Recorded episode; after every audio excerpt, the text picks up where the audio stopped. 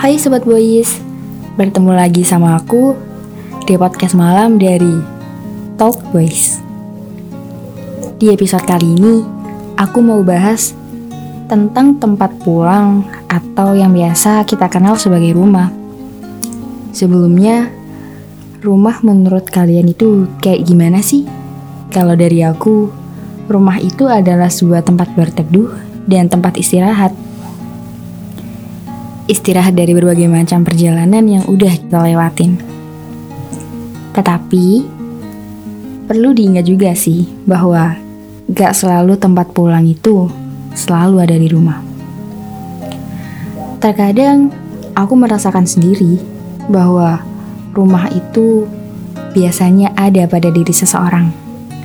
Entah itu keluarga, sahabat, teman, atau pacar. Tetapi kadang itu juga salah sih. Mungkin ada di luar sana yang kali ini kehilangan tempat pulang atau kehilangan sosok rumah.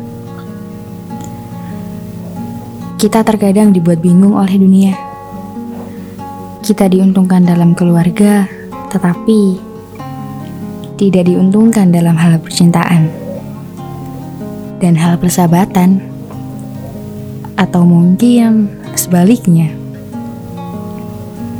Tetapi banyak juga sih yang merasa keluarganya ini adalah rumah atau sebuah tempat penenang saat kita lagi nggak baik-baik aja.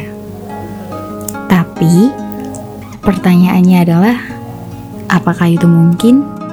Aku pernah mendengar bahwa terkadang faktor kita tidak ada tempat tujuan untuk pulang adalah kita terlalu banyak terbungkam. Terbungkam dalam berbagai hal, kita udah gak ada tempat untuk cerita, untuk menuangkan segala isi di kepala, dan meluapkan isi hati. Dan banyak juga yang bilang bahwa keluarga adalah tempat kita pulang, tempat kita bercerita, merasakan kehangatan keluarga dari dinginnya cuaca luar. Tapi, bagaimana kalau nasib berkata lain? Yang awalnya kita pikir bahwa memang kenyataan itu benar, tetapi saat aku mencoba untuk bercerita, untuk meluapkan isi hatiku ke seseorang yang aku anggap rumah saat itu. Nyatanya, itu semua salah Malah yang ku dapat hanya kata-kata, masih gitu doang kok, masa ngeluh? Luh mah enak, lah gue.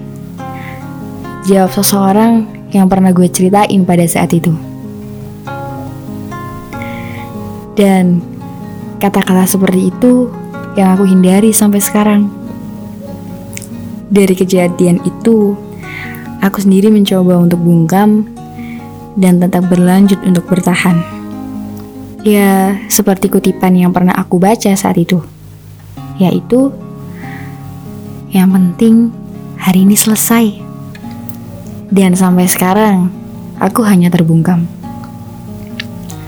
Ya, adalah beberapa orang yang sangat baik di dekatku, yang sangat mendengarkan ceritaku pada saat itu. Tetapi aku paham, gak semua orang harus dengerin ceritaku.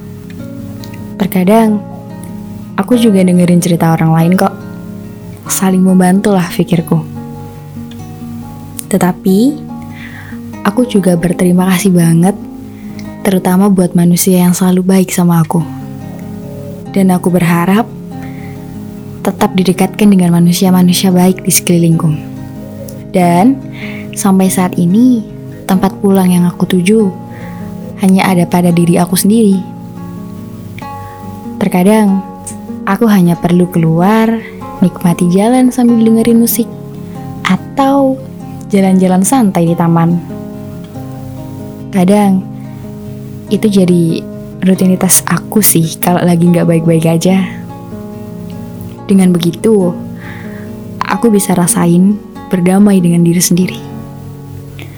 Semoga teman-teman di luar sana juga bisa nemuin sosok rumah baru yang di dalamnya bisa memberikan sebuah kehangatan dan tentunya bisa memberikan kalian ketentraman hati juga.